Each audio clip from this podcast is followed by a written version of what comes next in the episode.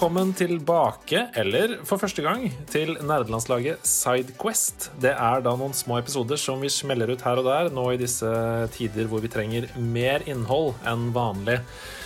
Vi holder på med å gå gjennom spillårene fra 1995 og fremover, og jeg har med meg i dag, som forrige episode, Sebastian Brynestad! Yay! For en glede det er å få lov til å sitte i sin respektive eh, kjellerstue, og via teknologi bli med i deres kjellerstue i denne litt kjipe tida. Du ble jo ganske blåst i bakken av spillåret 1995. Eh, Har du gjort deg noen tanker i forkant før eh, spillåret 1996? Du, jeg har eh, jeg, jeg, Det første er jo at jeg stiller jo uforberedt. Jeg vet jo ingenting om spillene du skal presentere, eh, så på den måten så gleder, meg, gleder jeg meg veldig. Jeg var også uforberedt til 1995, og det slo meg, som du sier, i bakken. Eh, Så mine forventninger er Jeg er jo på team 1995 nå, fordi det året var særs sterkt. Men hvis 1996 kan hamle opp med 1995, da skal jeg bøye meg ned på knærne og, og kysse 1996-føtter. Jeg sier som så mange populære youtubere Let's get right into it! Uh, jeg vet ikke om det er noen som sier det. Jeg bare fant det på nå. Uh, men Mange, mange som sier det. 29. januar 1996 så kommer det et spill som skal vise seg å uh, smelle inn dører, både både i, i, i selve spillet, men også i spillbransjen. Det er altså Duke Nukem 3D som kommer 29.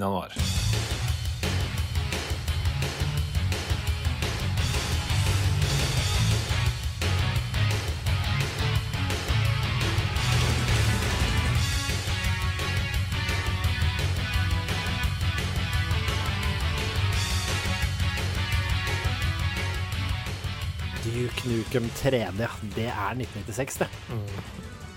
Ja, det er det, og det er straight off the bat i januar. Altså. Eh, Veldig populær førstepersons skytespill. Har du spilt eh, Duke Nukem 3D? Det har jeg. Det kan jeg, med- det kan jeg med trygghet si at jeg har lagt ned mange timer. Ja, nei, Dette var jo da oppfølgeren til Duke Nukem 1 og Duke Nukem 2, men det var egentlig uh, her det tok skikkelig av og ble en, på en måte, kommersiell suksess da, uh, på verdensbasis.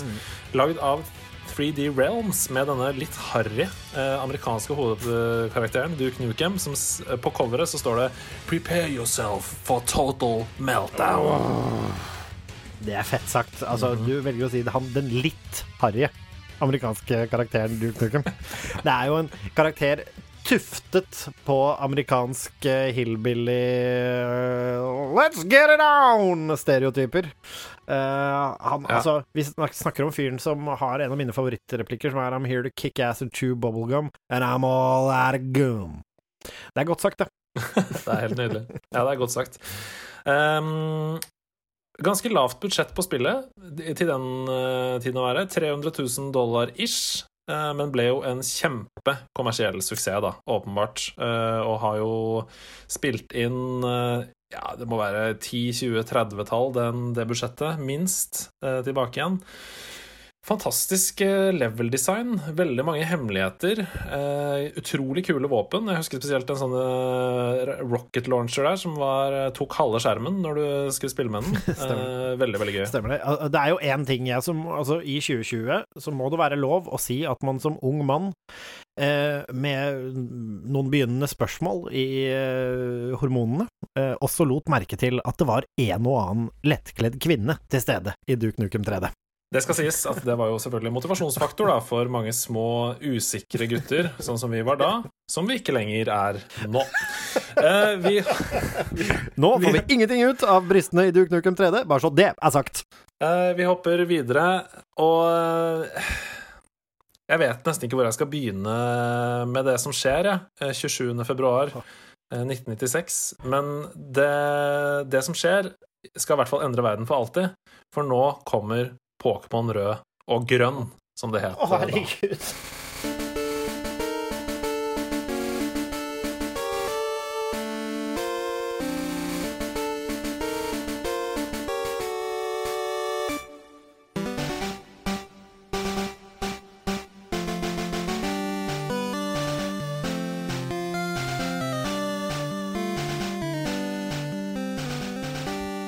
Pokémon Red and Green for Gameboy i Japan, som senere blir da Red and Blue i Europa og Amerika. Men det er altså det første Pokémon-spillet. Uh, ja, hva skal man si? Nei, altså, hva skal man si? Det er nok uh, en av de spillene jeg har spilt absolutt mest i løpet av mitt liv. Det er, en, det er topp tre, i hvert fall 100% sikkert, av spill jeg har flest mm. timer i.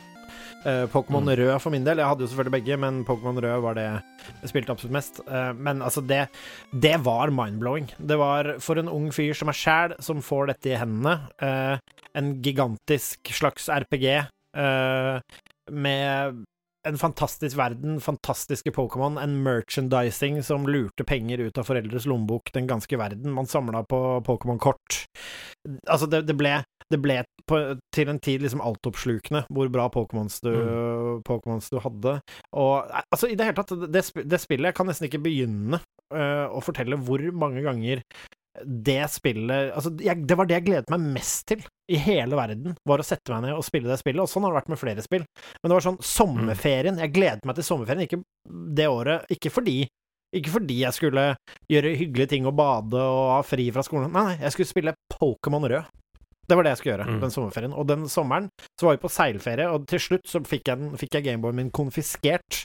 Fordi det var det eneste jeg gjorde, var å kjøpe, for alle sparepengene mine, kjøpe AA-batterier. og kjøpe dobbel A-batterier, og ligge i senga mi på seilbåten og spille Pokémon hele sommeren. Ja. Nei, det var jo Det skulle jo ta hele tre og et halvt år før det kom til Europa. Eh, oktober 1999.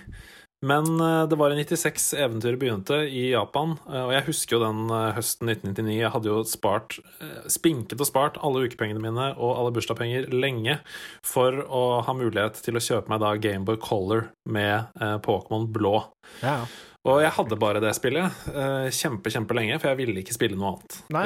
Altså, det, det, var helt, helt mind-blowing, og at vi ikke fikk det før i 99 det er altså hvor hvem, hvem, var det som dropped the ball her, lurer jeg på.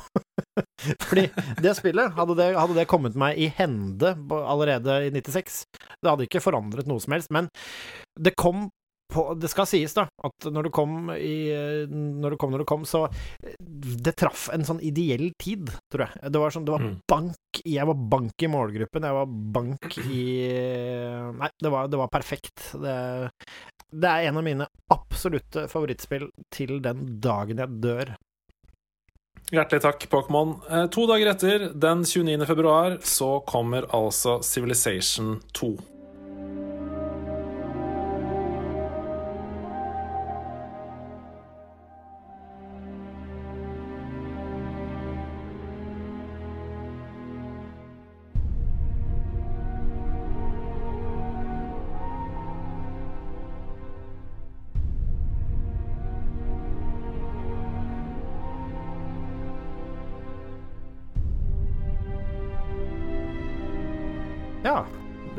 Begynner, det begynner, å bli et år, dette også. Civilization 2 er da liksom Civilization 1 var jo veldig viktig for spillbransjen, men tok nok kanskje ikke helt sånn kommersielt av før Civilization 2, som ble en enorm eh, kommersiell hit, da. Det er, det er, Sierra og Sid Meyer, er det det? Ja, det stemmer. Uh, Activision og Sid Meyer, vel. Microprose er en developer her. Ikke Sierra, altså. Nei. Nei fordi, fordi jeg, har, jeg, har, nemlig Det tok meg en del år før jeg ble Siv-mann, så mm. året 1996 var ikke noe Civilization for meg. Jeg tror nok um, Jeg tror Siv Hva blir det? Siv 4, mm. kanskje? Mm. Uh, som er mitt første det, det, var i hvert fall et eller annet med det som gjorde at jeg, jeg kom aldri dit, jeg, Nei. til Civilization-spillene så tidlig. Nei, eh, Kan ikke du fortelle litt eh, kjapt om Civilization-spillene? Det er jo turbaserte strategispill, men har lyst til å si litt om hva det går ut på?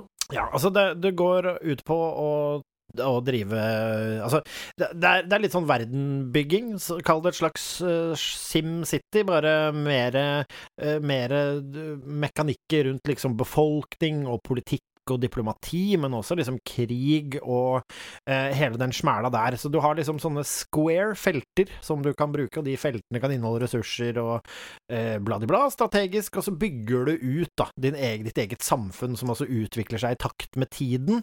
Og så har du da mm. diplomater og Altså, du, det er rett og slett du driver et ordentlig samfunn på en måte. Og alt Mm. som hører med. En sivilisasjon fra bånn opp. Og du må ta hånd om det meste.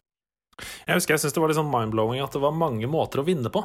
Ja. Det var litt sånn Fordi jeg var jo vant til eh, dette, disse Tiberian Sun, eh, Starcraft, sånne type spill, men Civilization var liksom sånn Det er ikke bare, Jeg trenger ikke bare å knuse motstanderen. Jeg kan f.eks. få alle til å bli med i min verdens religion, og så begynner jeg spillet. Ja. Jeg det var gøy. Ja, eller snakke deg ut av diverse kriser. Og så syns jeg jo kanskje Mm. spillets største styrke, sånn som jeg likte Jeg liker jo når det blir litt sånn Når du virker litt sånn Når det blir litt sånn som den virkelige verden, da. At um, du liksom kan Og du får lov til å kjenne litt sjæl på det der. For man tenker jo at krig og elendighet, fytti grisen, det uh, Det vil man ikke ha, og det vil man jo ikke ha. Men det ligger i den menneskelige natur, kan jeg som Siv-spiller si, og av og til bli litt grann irritert for at vi ikke bare Kan dere ikke bare høre etter, da? Kan dere ikke bare høre når jeg prøver å være diplomat her? Jeg har noen cruisere som hadde ordna dette her umiddelbart, om dere ikke Så man får kjenne litt på det å være en despot, og det er jo deilig.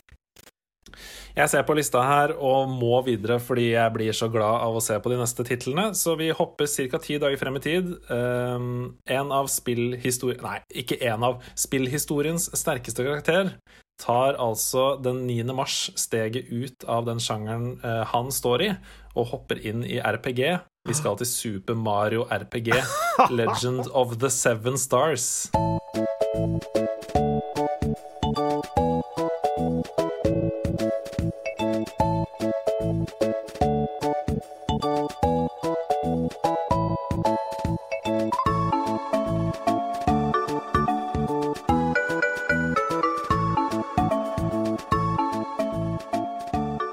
Ai, ai, ai, Super Mario RPG, altså. Også et, eh, også et spill som vekker mange gode minner. Men igjen, dette er min fetter Aksel som hadde dette spillet også, og dette er også et spill som jeg så på. Ja. Jeg spil, har spilt det og runda det i moderne tid, og det er jo så drita bra, rett og slett. Eh, Det er, hvis jeg ikke tar helt feil, så er det på Snes Mini, denne konsollen som man kan kjøpe, Super Nintendo Mini. Stemmer. Eh, og det har, det, har, det har holdt seg, rett og slett. Det er ikke noe annet å si. Det er fortsatt kjempe, kjempebra. Hvis du liker RPG, eh, turn-based Final Fantasy-greia, så er Super Mario RPG eh, Altså, det er en grunn til at det er en, som det står her, long running series of Mario RPGs, og det er fordi anslaget var perfekt. Jeg syns Super Mario RPG er et tilnærmet perfekt eh, RPG-spill. Så du vil rett og slett anbefale meg å Du kjenner jo meg. Du vil anbefale meg å bare fyre opp SNES Mini, nei, jo, SNES Minien og bare gønne gjennom? Ja, definitivt. Eh, og spesielt i disse tider hvor du ikke har noe bedre å gjøre, eh, så er det masse farger du kan fylle livet ditt med i Super Mario RPG. Herlig. Vi hopper videre eh, til det jeg personlig og veldig mange andre mener er det beste spillet i hele denne franchisen, nemlig Og det er, det er bare gått to uker, altså. Det er bare gått to uker siden Supermar RPG. Herregud. Så kommer Kirby Superstar.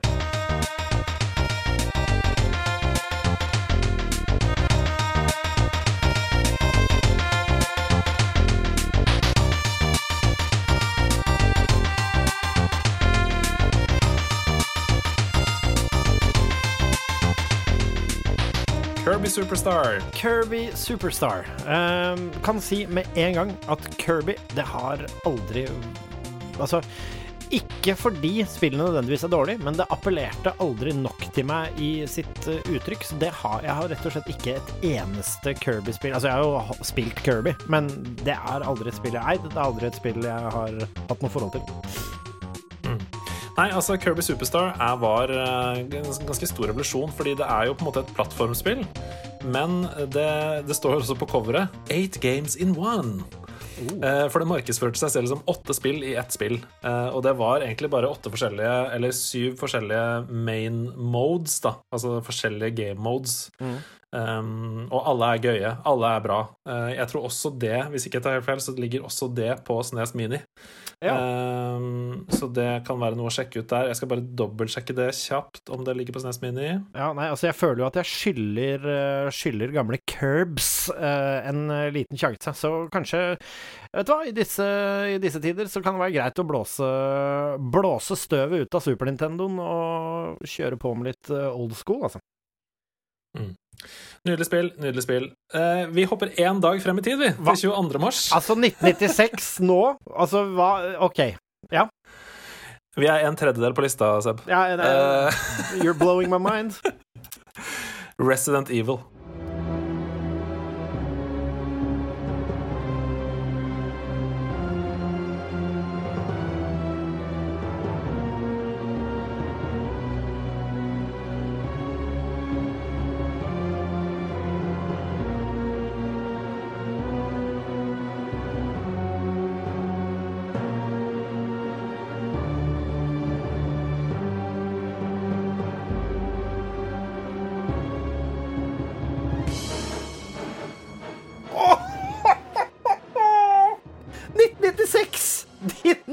Resident Evil kommer 22. mars på PlayStation 1. One of the foundational games in the survival horror genre. For a time it held the record for best-selling PlayStation game ever. Jeg har Åh, det er gåsehud. Jeg har eh, min Resident Evil-historie, som veldig mange i vår eh, generasjon og i nærheten har. Det er Jeg hadde PlayStation. Broderen hadde fått tak i Resident Evil, eh, som eh, han da spilte. Eh, og for at han skulle få låne PlayStation, skulle jeg få lov til å være med og se, men han sa det var ikke et spill for meg. Men jeg så i starten, og i starten er det jo bare et hus og sånn. Så jeg sitter og ser Mm. på, sammen med han og Øystein Magnus sitter og spiller. Og så sitter jeg og ser på, og så er det inni et hus, så går det nedover en gang, og så skjer det. Cutscenen som skulle skremme sjelen langt ut av kroppen min. Jeg tror det var den dagen jeg mista guds, min gudsfrykt. Jeg tror det var da jeg ble ateist. Frykten Du var kjente aldri den samme etter det. Nei, frykten jeg kjente når den hvite, hårløse zombien snudde seg og så inn i kamera med den musikken. Jeg ble stiv av skrekk, og det tok lang, lang, lang lang tid før jeg turte å røre det spillet. Men det ble rett og slett en terapi for meg. Eh, Det gikk kanskje et år eller to, så jeg og en kompis manna oss opp og tenkte fuck it, og så spilte vi Resident Evil. Vi så cutscenen igjen med zombien, og jeg måtte defeate Resident Evil, rett og slett, for å drepe min indre demon. Altså, jeg hadde mareritt, og jeg kan fortsatt se liksom det ansiktet. Og det ansiktet har ikke den grafikken fra den tiden når jeg ser det i minnet mitt. Det er det øyeblikket jeg så en ekte zombie og trodde jeg skulle dø.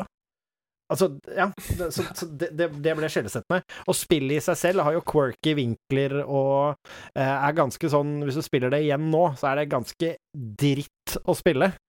Men eh, det er ingen tvil om at det var grusomme grøss og en benchmark for at konsollen din kan skremme dritten ut av deg.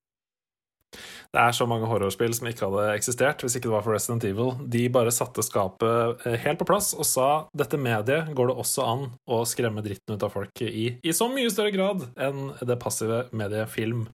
Ja, ja, er du gæren? Okay. Husker du, husker du den zombie-cutscenen? Fikk du noen er gang den i trynet? gal?! Altså, jeg, eh, jeg var jo sånn som så på andre spille, og jeg så jo Selvfølgelig så var det jo sånn at eh, Det var jo en sånn populær uh, joke, på en måte, og de som hadde Resident Evil hjemme, de viste folk som aldri hadde spilt det før, den starten. Ja, sånn, ikke sant? Kan ikke du bare spille her, da? Og så ser vi hva som skjer? Ja, ikke Det var mitt uh, forhold til Resident Evil 1. Jeg spilte det opp til den zombien du snakker om, rørte det aldri igjen. Nei, å fytti faen. Nei, men eh, jeg måtte overvinne demonen, altså, for det satte seg som et arr i sjela, så jeg ble nødt til å Altså, det ble en sånn Vi må bare drepe alle zombiene i det huset, sånn at vi vet at de er døde. For dette eksist... Altså, det, Ja. det gikk fra Det gikk inn på et, på et fysisk plan. Ja, jeg skjønner. jeg skjønner. Vi hopper videre en måned frem i tid. Dette er nok ikke det beste spillet som er lagd gjennom historien, men fordi det hadde en såpass sterk påvirkning, så hadde jeg bare lyst til å ta det med, og det er rett og slett, hold deg fast, Barbie Fashion Designer.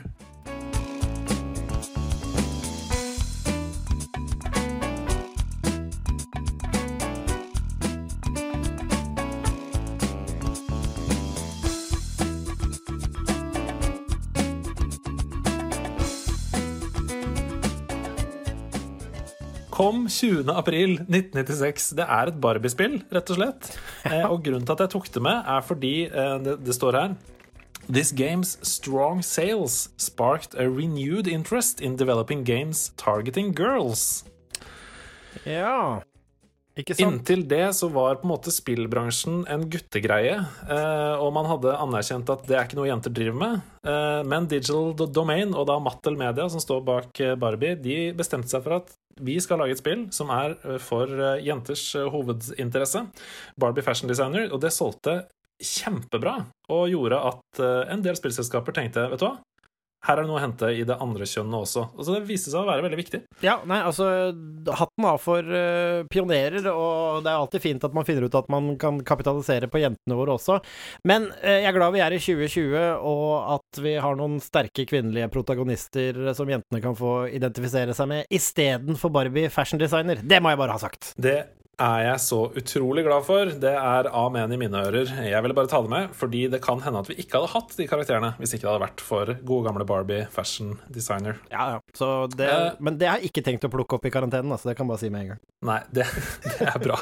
Husker du vi snakka om i 1995, så snakka vi om en sånn legendarisk helg. Ja, ja. ja. 1995-helgen som bare Hvor de med Rayman og Red Alert og et eller annet til. Ja, og det, hva var det det siste der? Eh, Heroes of Might and Magic? Ja, så det kan kalles en helg. Her kommer det en ny helg. Ok, jeg er klar. Hva er datoen? 20, 22. juni 1996. Rett før sommerferien. Okay. Så kommer altså Quake.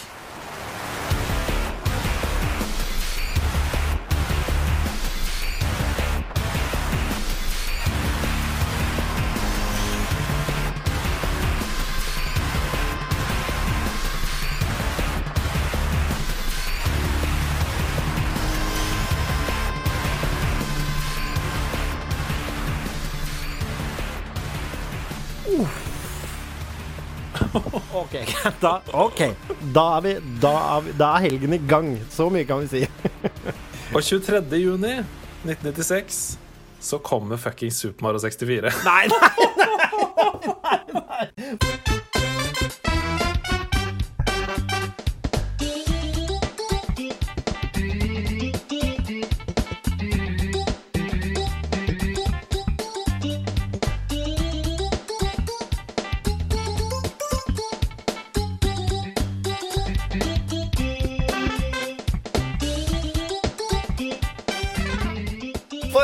Altså, det der er skitne triks fra spillverden.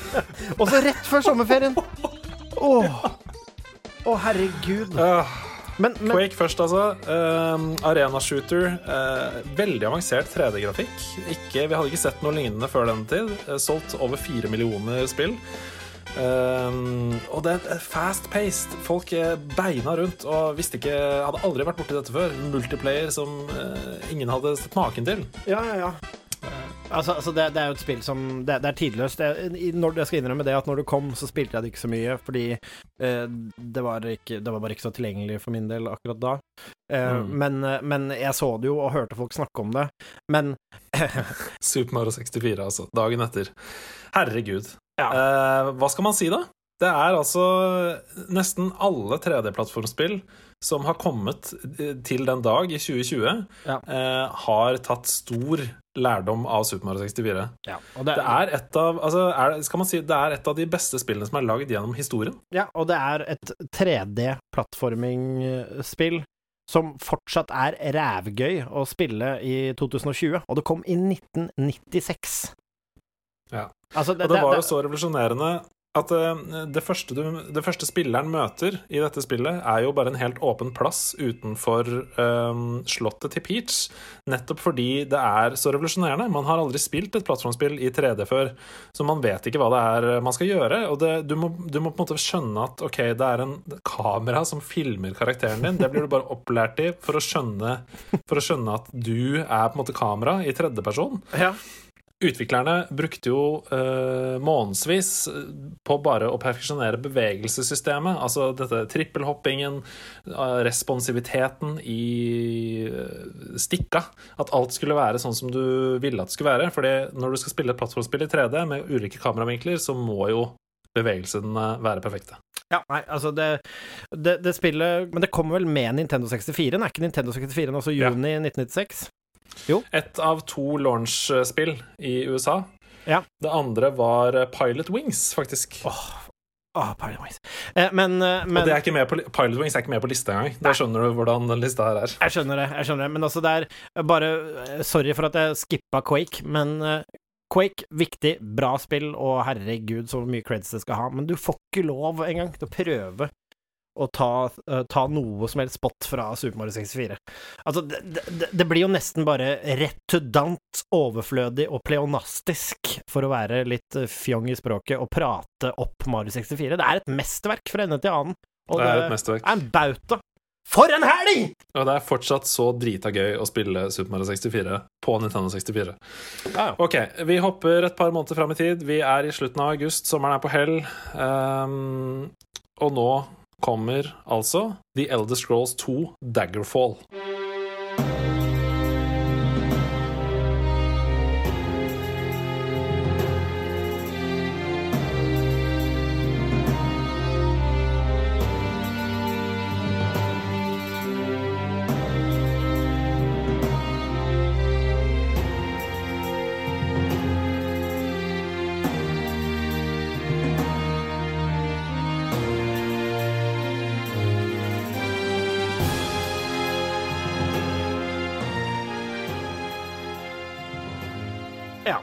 Ok.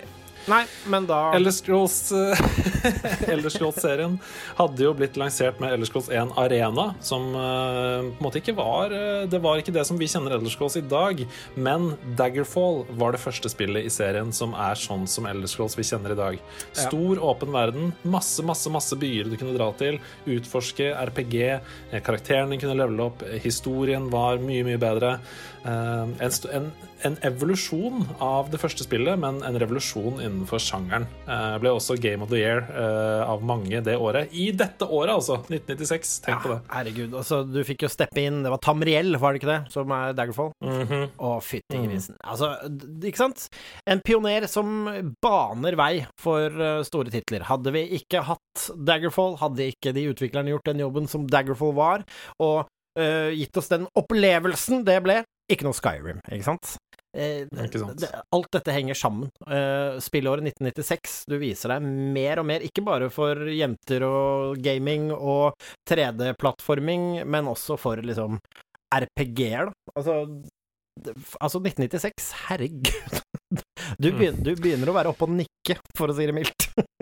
Vi har sju spill til på lista, og det første av de sju eh, er bare en uke fra, fra Daggerfall. og det heter Crash Bandicut.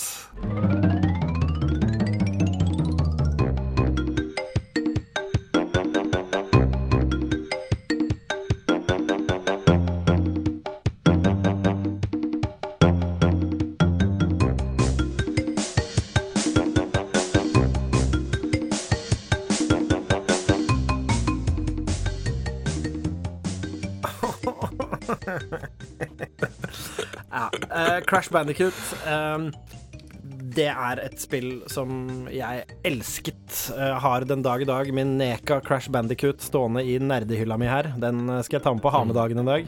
Um, Mm. eh, for en For en fantastisk For en fantastisk spillfranchise. Det er nydelige plattformspill i eh, 3D. Mm. Med en karakter som selvfølgelig gjerne skulle blitt Han ville jo bli en Sonic eller Mario. Nådde vel kanskje aldri helt opp, men eh, Men eh, en, en herlig fyr. Og når du fikk Når du fikk det i kloa og begynte å spille, hvor utrolig frustrerende Crash Bandicoot 1 var. Men samtidig så fargerikt og så kult, og så liksom eh, Ja, det skulle ta opp arven litt etter Rayman, da. Litt sånn frekkere. eh, denne bandicooten. Eh, Crash var jo, som du var inne på, ble brukt som maskot for PlayStation-konsollen eh, i mange år, og er jo liksom Har jo fått en stor serie etter seg. Remasterne som kom nå i 20... Var det 2018, da? Eller 2019? Ja, Er jo helt superbra. Altså, Insane in- Trilogy, som ja. du ja, mm. Insane Trilogy er en no-brainer hvis eh, hvis dere har spilt og savner Kuten, eller har lyst til å eh, teste det for første gang. Eh, spill det. Men jeg hiver meg på Det var vel du, Hedo, som kom med tipset i en eller annen nerdelandslag, tror jeg, at kanskje ikke begynn på eneren. Nei, hopp over eneren, begynn på nummer to. Det er um, mye bedre. Eneren er for frustrerende, rett og slett. Ja, fordi, fordi Altså, jeg mekket det som kid, så det er ikke umulig. Men det er litt datert i responstiden sin, og det er vanskelig, altså, på tampen. Bare så det er sagt. Men det kan være en challenge også i disse tider. Ja. En challenge i disse tider. Kjapt innom 15. oktober eh, i samme år. Marathon Infinity. Eh, jeg vil bare si litt om det kjapt. Det er jo Bungie sitt siste spill i maratontrilogien. Eh, og veldig mange det, det kom for det første utelukkende til Mac. Uh, Førstepersons skytespill utelukkende til Mac. Ganske, um, ganske sjukt. Uh, og for det andre så la jo maratonserien hele grunnlaget for Halo uh, og ikke minst Destiny, da. Ja. Vi hadde ikke hatt disse to spillene hvis ikke det hadde vært for maratonserien. Så, så jeg ville bare si det. det. det. siste spillet i trilogien kom da 15. Mange mener det har holdt seg fortsatt. Gå inn og se på det. Var speedrun av det på Awesome Games Done Quick 2017. Eh, sjekk det gjerne ut. Det er, eh, altså det er kanskje det verste som kan skje i disse koronatider, er hvis eh, eh, GDQ blir avlyst. Ja, det må vi ikke håpe på. Um, det, noe, det, har vært noen ville helger vi har snakka om hittil, men jeg har bare lyst til å dra kjapt fram 31. oktober. En helt utrolig dag. Okay. Det, kom, uh, det, kom, kanskje åtte-ti spill som har uh, satt seg inn i historien her. Jeg bare leste de opp kjapt. Ja.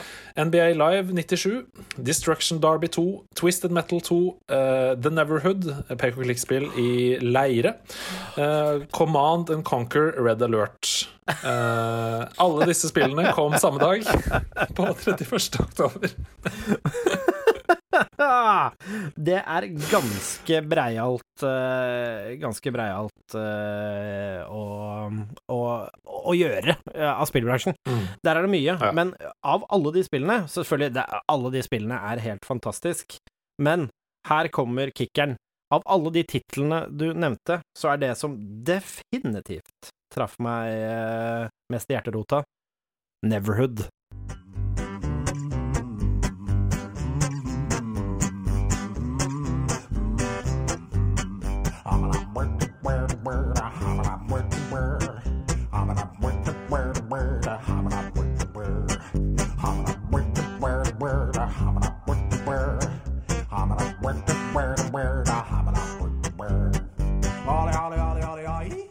Hæ? Mm. Neverhood! Point and click i stop motion-leire! Ja, det var helt sjukt. Helt sjukt. Uh, jeg syns det var så creepy, jeg. Ja, det var super creepy. For det, for det var så ekte altså det, var, det, at det var i stop motion og sånn, det gjorde at liksom, karakterene var litt sånn døde i ansiktet, hvis du skjønner. Samtidig som det var veldig ekte. Ja, ja, ja. Det, altså. Og Clayman, altså Clayman, eller Clayman, jeg husker aldri hvordan du sa det, mm. men han Altså, han, han, er jo Han er jo en sånn helt fantastisk eh, karakter. Det var bare en Altså, det, det er jo et kunstverk, uh, Neverhood. Og jeg husker at hele Det, det, det traff meg så innmari, spenningen der med, med, med den derre guffende At han er helt alene, og den guffende atmosfæren og det derre Uncanny Valley-animasjonen og sånn. Nei, fy faen, det, det, var et spill som Det har jeg ikke tenkt på på mange år! Men jeg husker at det var sånn ordentlig gjorde skikkelig, skikkelig inntrykk. Mm.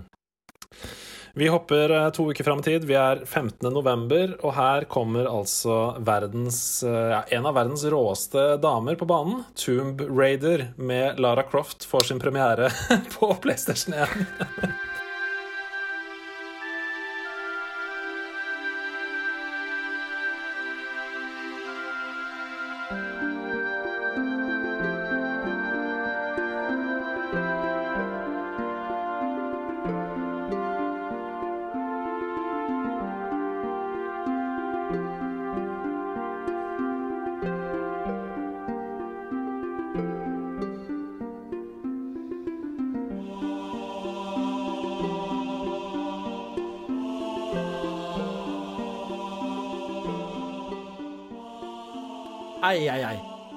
1996. Kjære 1996.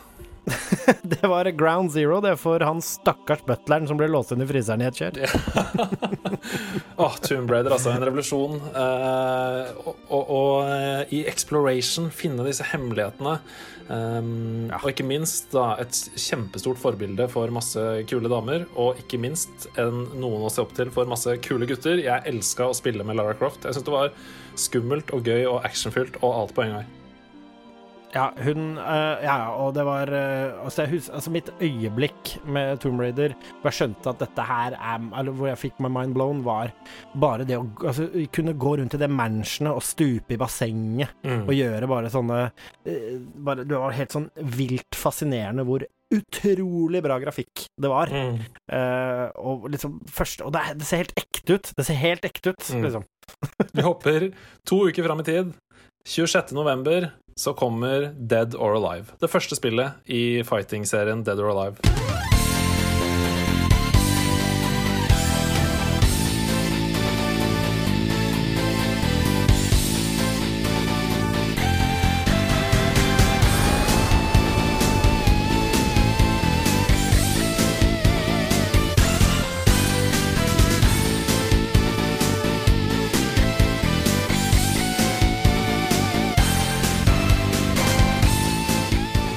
Arkade, Arkadeversjonen, altså. Uh, har du noe forhold til disse fighting-spillene, da? Dead or Alive?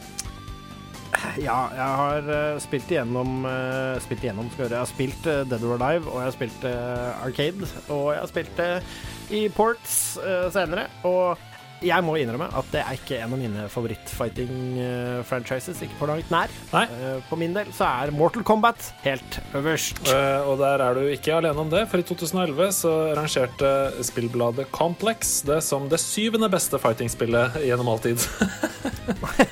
men, Så men det var det første i serien, og det har levd lenge. Og er, jeg vet at det er mange som har Dead or Alive som sin prefererte eh, slåssespillserie. Jeg ville bare dra det frem der.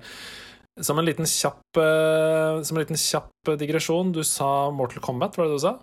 Ja, og jeg kan jo bare si, bare kjapt før vi hopper vekk fra Dead or Alive Vi har jo vært inne på det litt grann i, i denne episoden, med dette med eh, damer i spill. Og jeg må jo si at Dead or Alive har jo vært relativt kvinnefiendtlige tvers igjennom i sin fremstilling av damer, må jeg vel bare få lov til Det har jo det, uh, så det, vi velger ikke å gi det så veldig mye oppmerksomhet. Uh, Men Mortal Kombat Trilogy Trilogy kom altså 10. oktober eh, i, i dette året, 1996.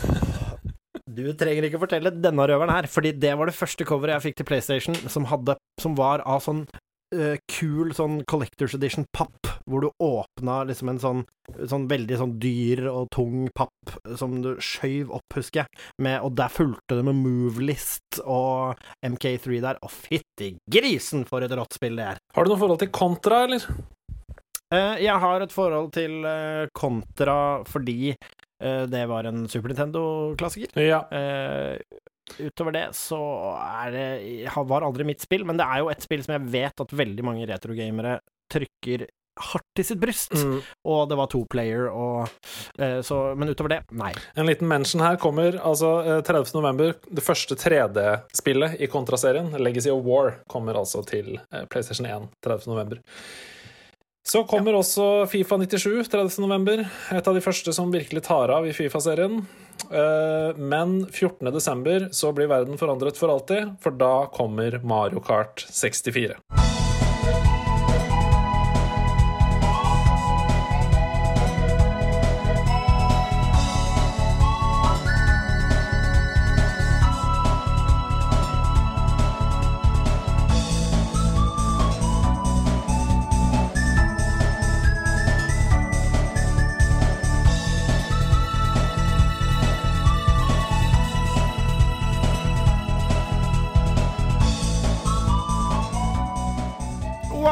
Ops! Whoopsie-daisy! Og der Ja da. Da er det altså Når det kommer til racingspill, så snakker man mye om Gran Turismo 3, vel, Mm. eh, som eh, et øyeblikk i historien. Mm. Eh, og når man snakker og, og, og nå er jo ikke det på noen som helst måte en racingsimulator, men det må jo være. Altså, hvis man ser Mario Kart 64, det kan du plukke opp og spille hver dag. Du kan spille med kompiser i dag. Du kan, du kan spille helt siden sekundet det kom ut. Det må jo være all time greatest racer. Ja, og ikke minst så er det jo på en måte et slags partyspill også. Man trenger jo nesten ikke ha noe forhold til bilkjøring eller gaming i det hele tatt. Eh, Det er jo tatt opp av mange på vorspiel, på eh, revyscener overalt eh, gjennom tidene, og bare spilt.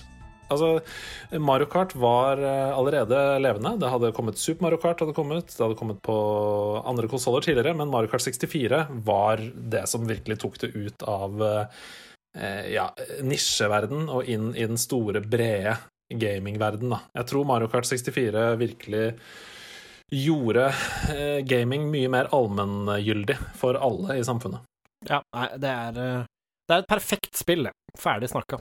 Og da, vi, da, er vi ferdig med 1996. På nyttårsaften så kommer NBA Hangtime og sier tusen takk. tusen takk, 1996. Eh, vi ønsker hjertelig velkommen 1997. Det er så mye her. Da, altså um, Jeg var blåst av banen av 1995, uh, uh, men kan jo si ganske right off the bat at 1996 det er bedre, altså. Du, du, har helt rett. Det er et bedre år for gaming. Men i pokkeren, altså! 95 og 96. er helt utrolig. Altså, jeg, altså, jeg levde da, men jeg skjønte jo ikke i altså var, det, det, er jo min gaming samtid som kid, men jeg skjønte ikke hvor heldig Jeg har ikke forstått hvor heldig jeg var før nå. Nei, Hvis vi skal ta en kjapp oppsummering av på en måte hvilke spillkarakterer som har blitt legender da, gjennom det året, så har du da altså Pokémon, ja. Super Mario, eh, Crash Bandicoot, Tomb Raider Uh, Command and Conquer, Elder Scrolls, Duke Nukem Altså, det er så mye. Det er så mye hvor Jeg vet ikke hvor du skal begynne. Kirby. Det er, det er så mange legender her. ja. ja, ja. Og midt oppi det hele Ja, nei, altså her, jeg er faktisk overrasket, altså. Nå har jeg vært her i to episoder, 95-96, og må bare si at uh, det, det, er en utrolig morsom øvelse uh, å gjøre det her, og jeg gleder meg til å høre også resten av episoden nå, fordi det er kult å se, liksom, hvor utrolig mye gull og glitter og edelstener vi får uh, oppover i denne serien her, altså. Fordi det, det, minner meg på også.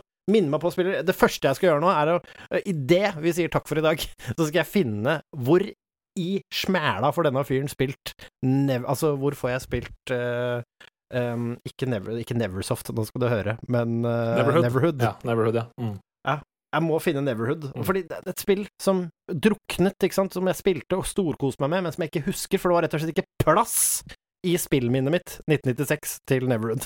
Men det er tilbake nå. Tusen hjertelig takk for at du var med gjennom 1996 også. Jeg kommer sikkert til å spørre deg om du har lyst til å være med på noen andre. Vi skal jo tross alt helt opp til 2020, så det er vel en 23 episoder igjen av denne lille sidequest, uh, sidequesten vår. Nei, altså, jeg stiller i uh, så mange du vil, uh, så mange jeg har tid til, og så mange som trengs. Tusen takk uh, til alle dere som hører på. ta vare på hverandre i denne litt prøvende tiden. Hold avstand, vask dere på henda, bruk antibac hvis du kan det, og vær med dine nærmeste. vi har masse god underholdning vi kan kose oss med, og jeg håper dere har fått noen tips til å se litt bakover også, og plukke opp noen gamle storheter. Og da har jeg bare lyst til å kjøre en dobbel avslutning og synge skal vi ikke være du, så spille Neverhood. Skal vi ikke være du, så vaske oss på hånd. Ta vare på hverandre. jeg klarte ikke å si det. Du klarte ikke seriøst. Men, uh, men kjøttet går i karantene. Ha det.